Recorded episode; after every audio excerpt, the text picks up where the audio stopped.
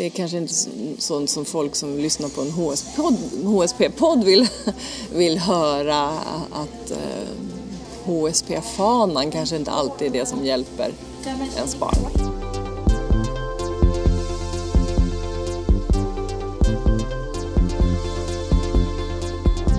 Du lyssnar på HSP-podden med Leveby och Klar. Välkomna till HSP-podden med Leverby och Klar. Det är jag som är Ida Leverby. Och det är jag som är Matilda Klar. Och i den här podden pratar vi om personlighetsdraget högkänslighet, även kallat HSP. 15-20% av befolkningen tros vara högkänsliga och draget innebär i korthet att man har ett känsligare nervsystem som lättare registrerar ljud, rörelser, dofter, smaker och synintryck. Högkänsliga är väldigt uppmärksamma på sin omgivning och saknar i viss mån filter för att stänga ute omvärlden, vilket kan leda till en hel del besvär. Och det är där vi kommer in i bilden för att lyfta upp högkänslighet och skapa en förståelse hos oss som är känsliga. Att det inte är något fel att vara det, utan att högkänslighet snarare har väldigt många fördelar. Vi lyfter upp svårigheterna och så lär vi oss att hantera dem bättre. Och det är någonting som vi ska göra i just det här avsnittet, Matilda. Ja, vi har frågat er lyssnare på Facebook, på vår Facebook-sida HSP-podden med Leverby och Klar, vilka ämnen som ni vill att vi ska ta upp och har fått in en massa tips. Och överst på önskelistan så hittar vi barn och föräldraskap. Hur är det att vara förälder och samtidigt vara högkänslig? Och hur är det att ha ett högkänsligt eh, barn? Det ska vi prata om. Och vi har också fått in eh, lite synpunkter på att våra intervjuer görs i öppen miljö. Något som har gjort det svårt för vissa högkänsliga att eh, lyssna medan andra tycker att det är ett bra element med lite bakgrundsljud. Så vi har gemensamt här nu kommit fram till att vi utforskar oss till vad som verkar passa de flesta av er. Och så justerar vi allt eftersom. Och ni som har svårt för bakgrundsljud får ha lite överseende med det just det här avsnittet. Ja, för nu ska vi till ABF-huset i Stockholm där vi har träffat Elin Lundberg som är socionom och familjeterapeut. Snart är hon också legitimerad psykoterapeut. Och så föreläser hon om personlighetsdraget eh, högkänslig. Och hon är ju också högkänslig. Stämmer. Så här kommer hon och först så berättar hon om de fantastiska egenskaperna som högkänsliga barn har.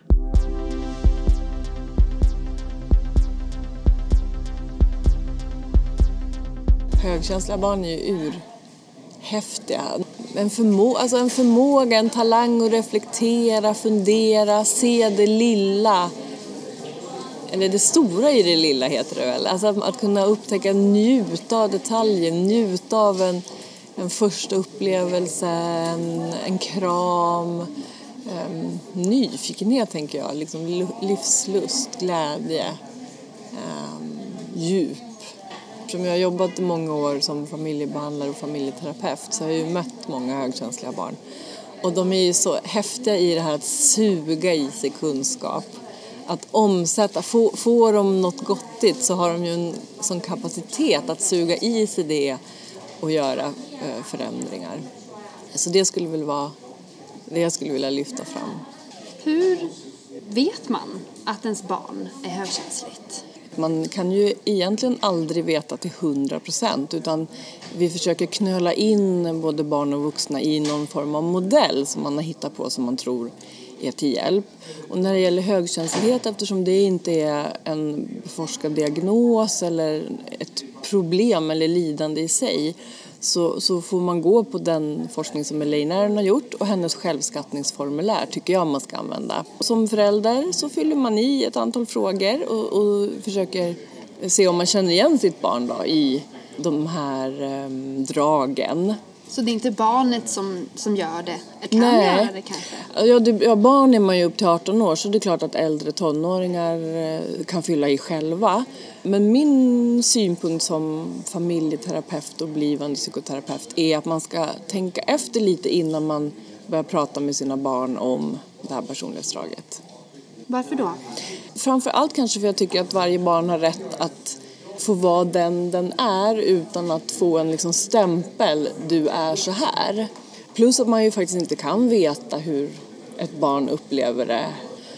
Mm, så, så jag tycker man kan prata mera i, man, man kan prata om, om högkänslighet men man behöver inte säga att du är högkänslig. Man kan bekräfta genom att säga så där var jag också när jag var liten, om, om man nu själv är högkänslig. Eller ge något exempel från när man själv var liten och jobbiga situationer.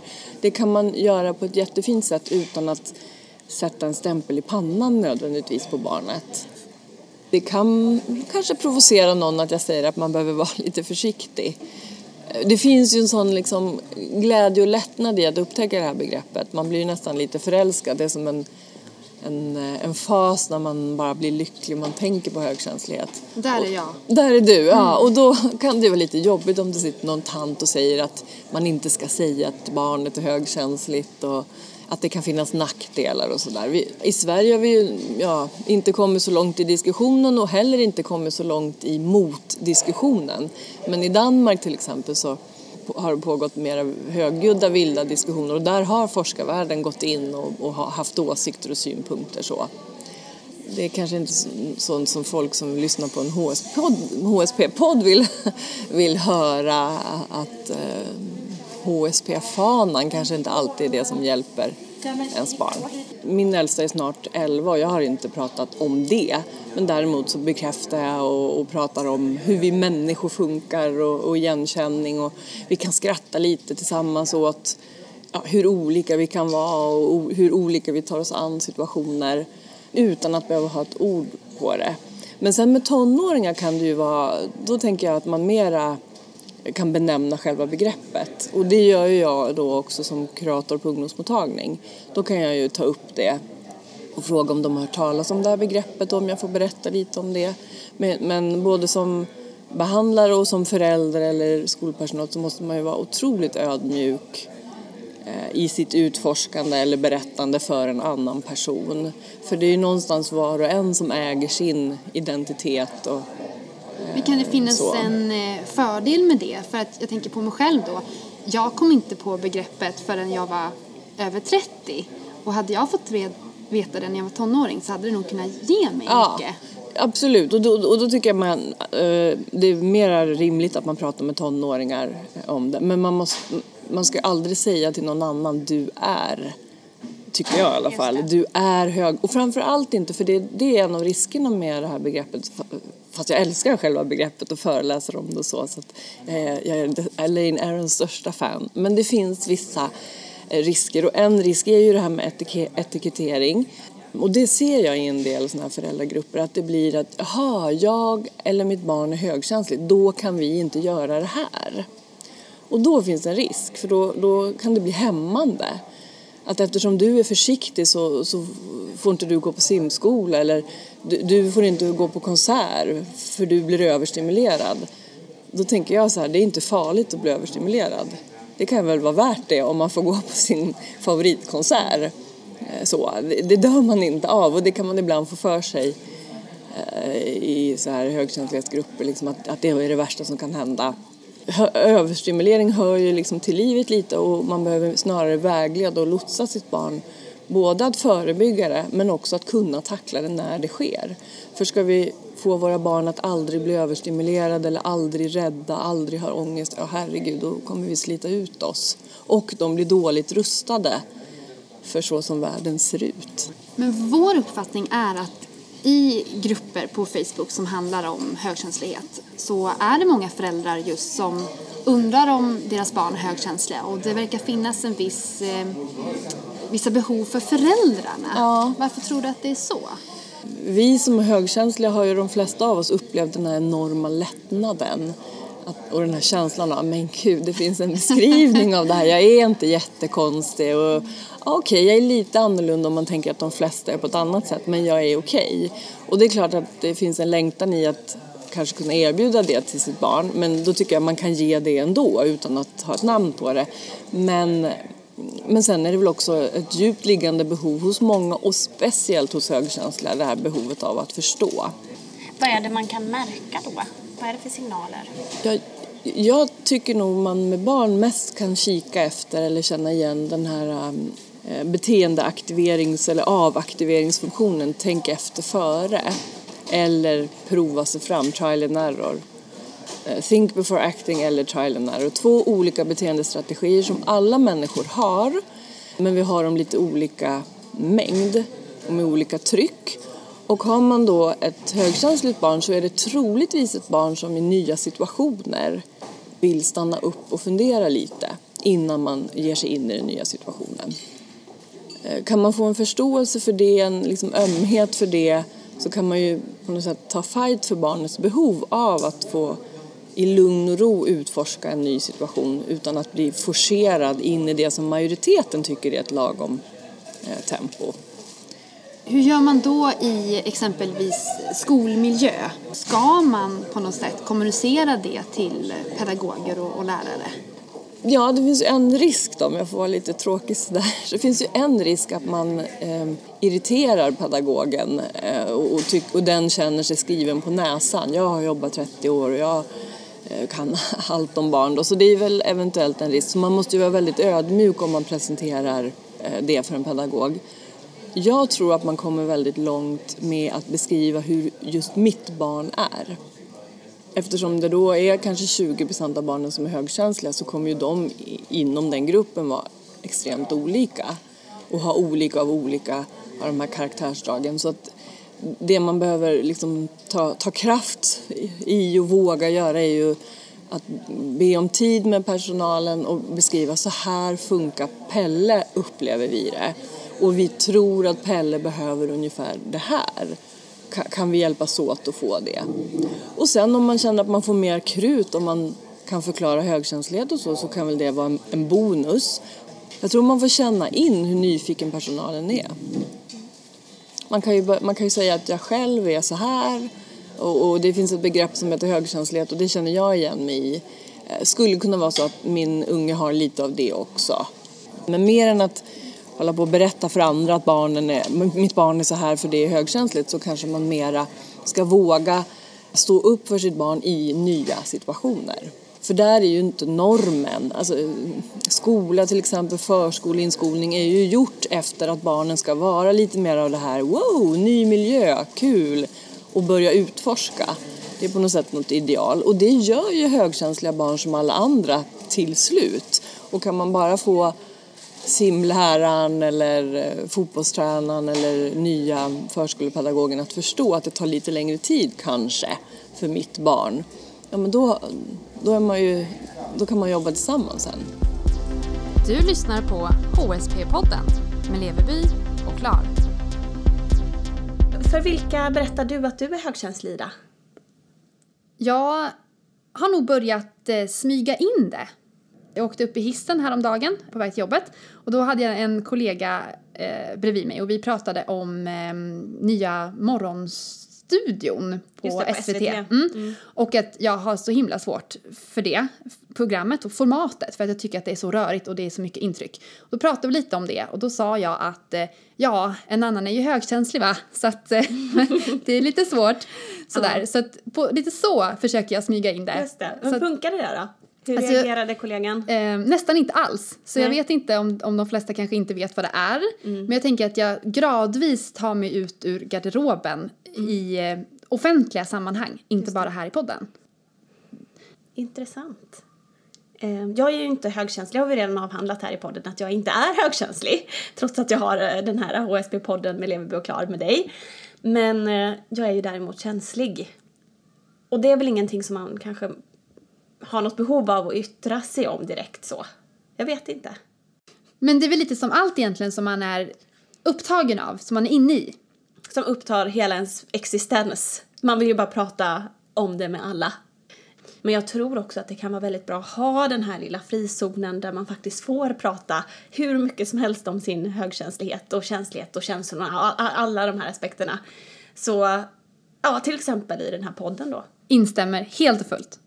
Men nu tillbaka till Elin Lundberg. Som själv ska berätta hur hon upptäckte att hon var högkänslig.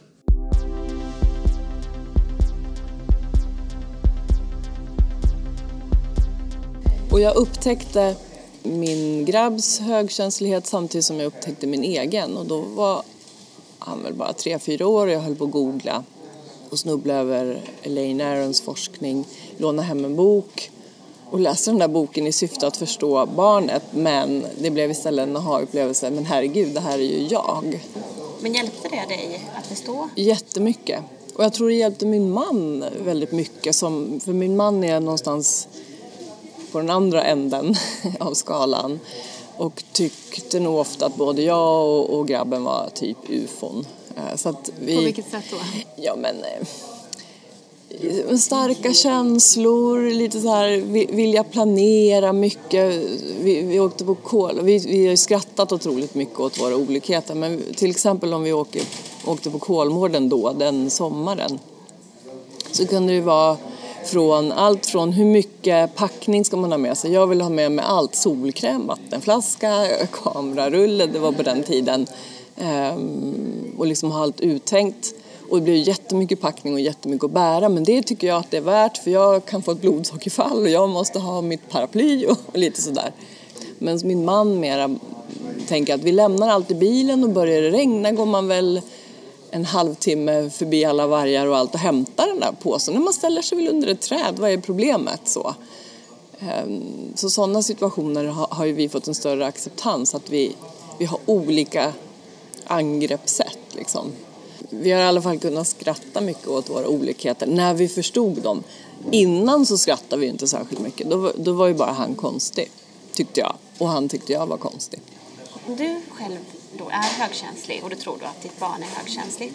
Varför uppstod då behovet att förstå ditt barn? Ja, men jag, tror, jag tror det har med normer att göra. Det visar ju forskningen också att det, att det beroende på vad vi har för kultur så är det olika jobbigt eller upplevs olika svårt att vara högkänslig eller robust. I Kina till exempel så skattas det här personlighetsdraget högre där behöver säkert inte högkänsliga föräldrar köpa litteratur och liksom peppa upp sig själva utan Så det är där man ska där, Ja, dit ska man flytta tydligen. Men i vår kultur där det är mera, och framförallt för pojkar, normen är mer att man bara ska, åh oh, min unge behövde ingen inskolning, det gick på en halvtimme eh, och sådär. Jag kan lämna till kalas, ja, vi, ungen bara kastar sig ner i poolen. Det finns någon form av status i att vara så här rejäl. Om man då har ett barn som inte är så där, där man är enda föräldern som måste vara med i själva swimmingpoolen. Dit skickade jag min man för övrigt för jag tyckte det var så pinsamt. Det tyckte han också i och för sig, men han härdade ut. Ah, då, då blir det ju jobbigt, det blir ju som ett problem fast det egentligen är ett helt normalt beteende för barn och vuxna i en ny situation att vi vill avvakta lite. Vad tyckte du var pinsamt? Att stå enda föräldern i poolen, det tyckte jag, äh, det tyckte jag min robusta man kunde, kunde göra. Jag har en eh, bekant vars son är över tio, tror jag, någonstans däremellan. Och han ser saker i färg Mm. Och styrs väldigt mycket av färger och tycker att det är härligt att ha på sig vissa färger vissa dagar och sådär. Mm. Och har fått höra lite glidningar på det för att de andra barnen tycker att det är lite konstigt att han kanske kommer en, i, helt klädd i grönt en ja, dag till exempel. Ja. Hur kan man hantera det? Det är ju en väldigt häftig förmåga den här gossen har. Eh, det här att se saker i färg. Jag kommer inte ihåg vad det heter nu men det finns ju något fint ord för det. Där är det väl helt enkelt att att rusta barn att våga stå för sina egna behov oavsett vad andra tycker om det.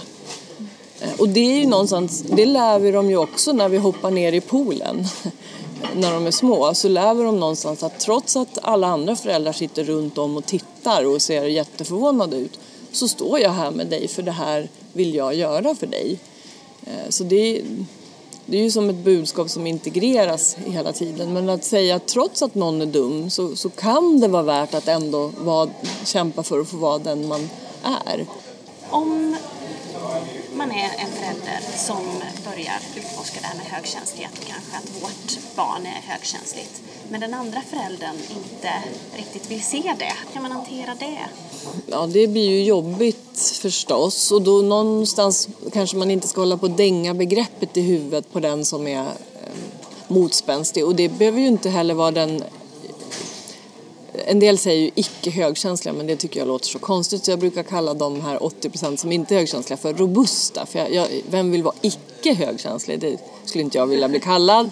Men det behöver ju inte vara den robusta som är motspänstig. Det kan ju vara den som har en mer högkänslig läggning som av olika skäl inte vill kännas vid det här. Så jag skulle nog i så fall försöka tagga ner själva kampen om begreppet och, och eh, stämpeln eller vad man nu ska kalla det och, och har, försöka ha lite tålamod med att det här är en process för den andra föräldern. Plus lite ödmjukhet för att man kan ha fel också, det kan vara en utvecklingsfas. Och sen försöka alliera sig med den andra föräldern, ja men hur gör vi nu då? Eh, och då med, försöka få med sig partnern på lite problem, men hur gör vi nu då? Hur skulle du vilja hantera det här? Och, men låt den föräldern prova då, det kanske går bra.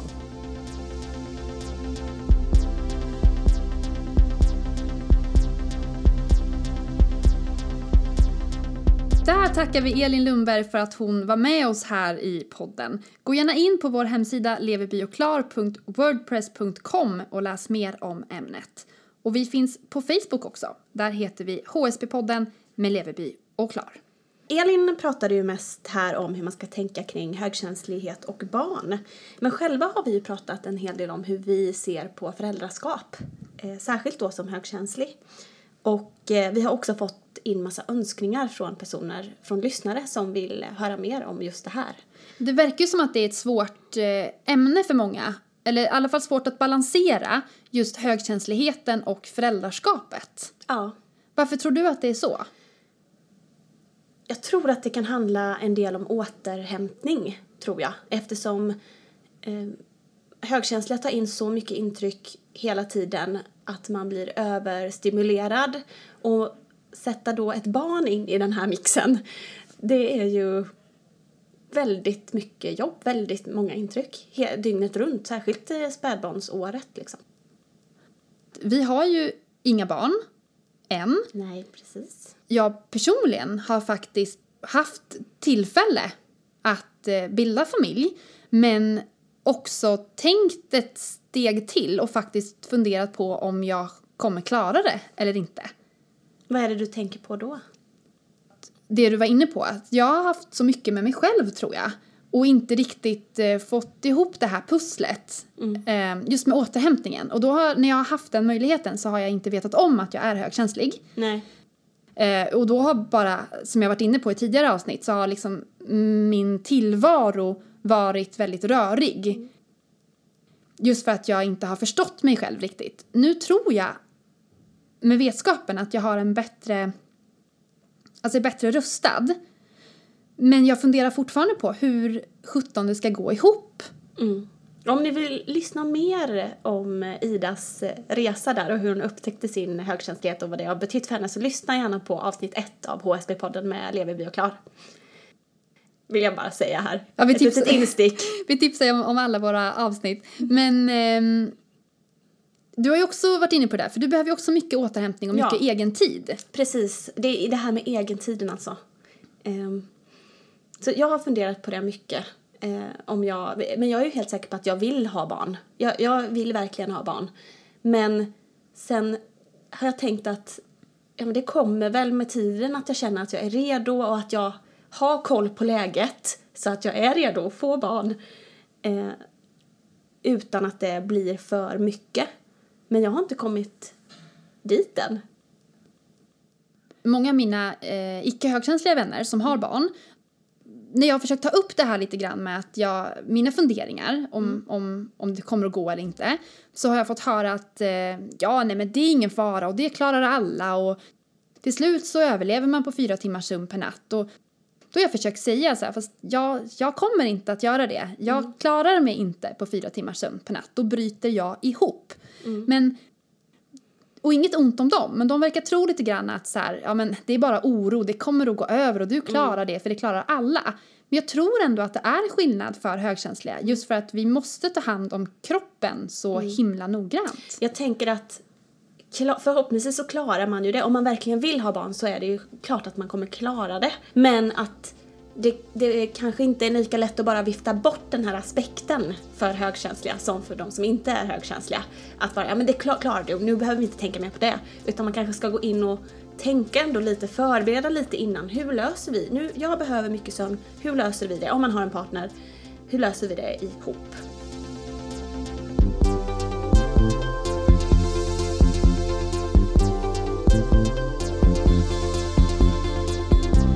Veckans berg och dalbana.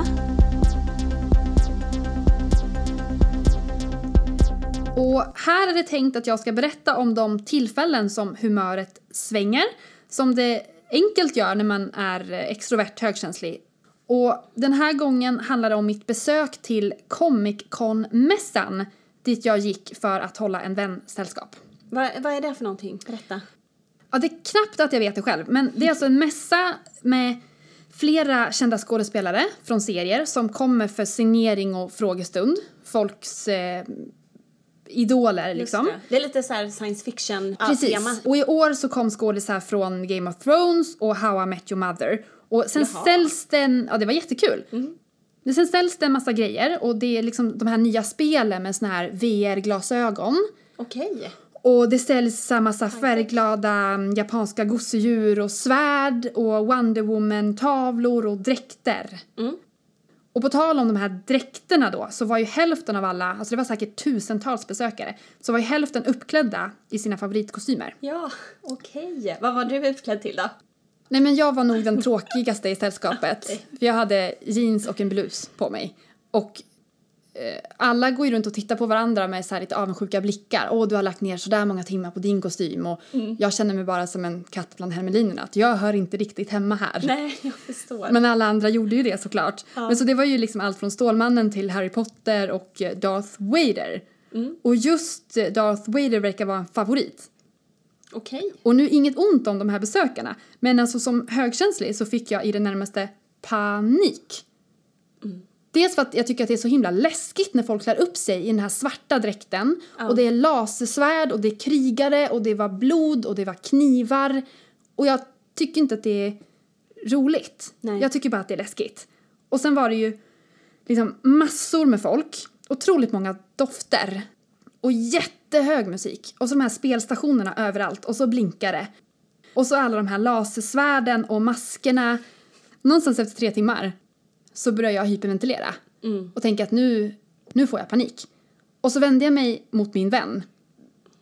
Och hon hade ju jättekul. Alltså hon förstod inte vad jag pratade om. Alltså vi kunde ju inte höra varandra för musiken var så hög. Men hon gick runt och så spelade och liksom kä- käkade glass och popcorn och köpte tavlor och grejer. Och jag var Ja, så här, ja, ja. åh gud snälla kan vi inte, kan vi inte bara typ gå snart? För jag, jag får panik verkligen. Men just att den här känslan när man står där och tittar sig omkring och inser att det här tycker folk är roligt. Ja. Och jag är, känns det som, den enda tråkmånsen i stan. Ja. Som bara vill gå därifrån. Men så jag höll ut i alla fall och tänkte att okej jag överlever det här och det gjorde jag ju också. Tänkte att okej det är bra nu. Och på vägen hem så klev jag av bussen lite tidigare för att kunna få en promenad för att kunna få lugnet. Tänkte att okej då, jag lär mig. Jag lär mig att hantera den här överstimuleringen. Ja, men som Elin sa där, att det behöver inte vara dåligt att bli överstimulerad alltid. Om det är något roligt som man, som man vill göra. Om det är ens favoritkonsert som hon, som hon nämnde där i, i tidigare avsnittet. Och, men bara man liksom vet hur man hanterar det innan, innan och efter och så. Precis. Där hade jag helst velat, velat ha så här hörselkåpor. Som Med små dig? barn har. Ja, vilket ju låter jätte... Ja, men, Fånigt. Sådana man har på flygplan, ta bort allt ljud. Men så jag tänkte i alla fall att ja, men jag har koll på läget. Men det hade jag ju inte. För jag skulle bara in på min lokala matbutik och handla lite. Och där är det sån himla, alltså jättehög musik i högtalarna. Och jag bara, nej men nu, jävlar alltså. Så att jag för mig själv faktiskt skriker ut, nej! Nu får ni sänka musiken! Nu! Mitt i butiken. Ja, bland grönsakerna. Men jag sa det till mig själv. Ja. Liksom att nej, men nu får de ju ge sig. Men det kom ut högt. Ja. Och sen så gick jag lite vidare och då var musiken sänkt. Så de hörde din bön. De hörde och jag skämdes lite. Men sen kunde jag handla lugnt. Vad skönt. Har du återhämtat dig sen dess då? Ja, men jag tror att det såna där eh, hörselkåpor kan nog vara en ganska bra investering. En lärdom. Nu över till Bertil Monegrim, en känd insändarskribent och poet som vi ju har med här i podden för att han är så bra på att beskriva de här nyanserna i livet. Och att påminna om att ta vara på ljusglimtarna som finns.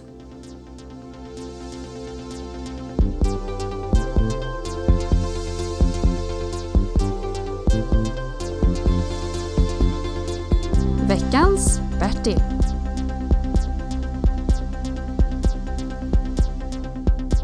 Ni som har ett stängt hjärta, öppna det och släpp in lite ljus.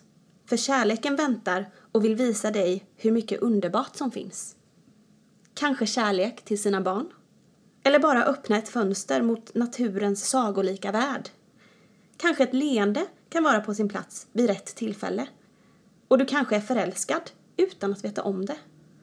För vi är ju bara människor och livet har så många vägar att gå när det gäller att visa sin kärlek i livets olika nyanser. Väl värt att tänka på. Vi hörs igen om en vecka med ett nytt avsnitt. Tack till alla er som har lyssnat. Hej då! Hej då!